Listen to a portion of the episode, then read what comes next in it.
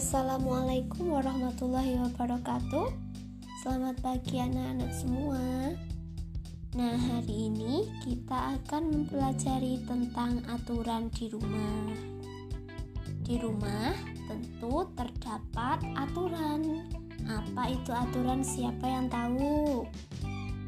Iya, betul sekali. Aturan adalah petunjuk yang dibuat untuk dilaksanakan aturan di rumah harus kita taati dan tidak boleh dilanggar. Jika dilanggar, maka suasana rumah menjadi tidak nyaman. Ada banyak contoh aturan di rumah.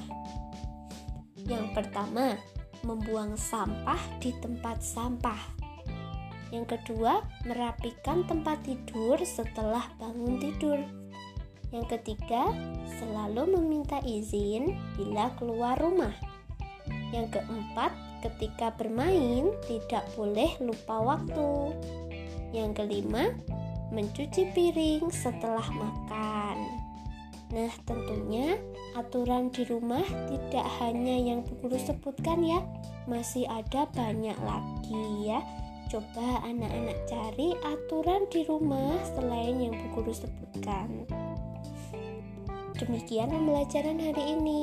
Wassalamualaikum warahmatullahi wabarakatuh.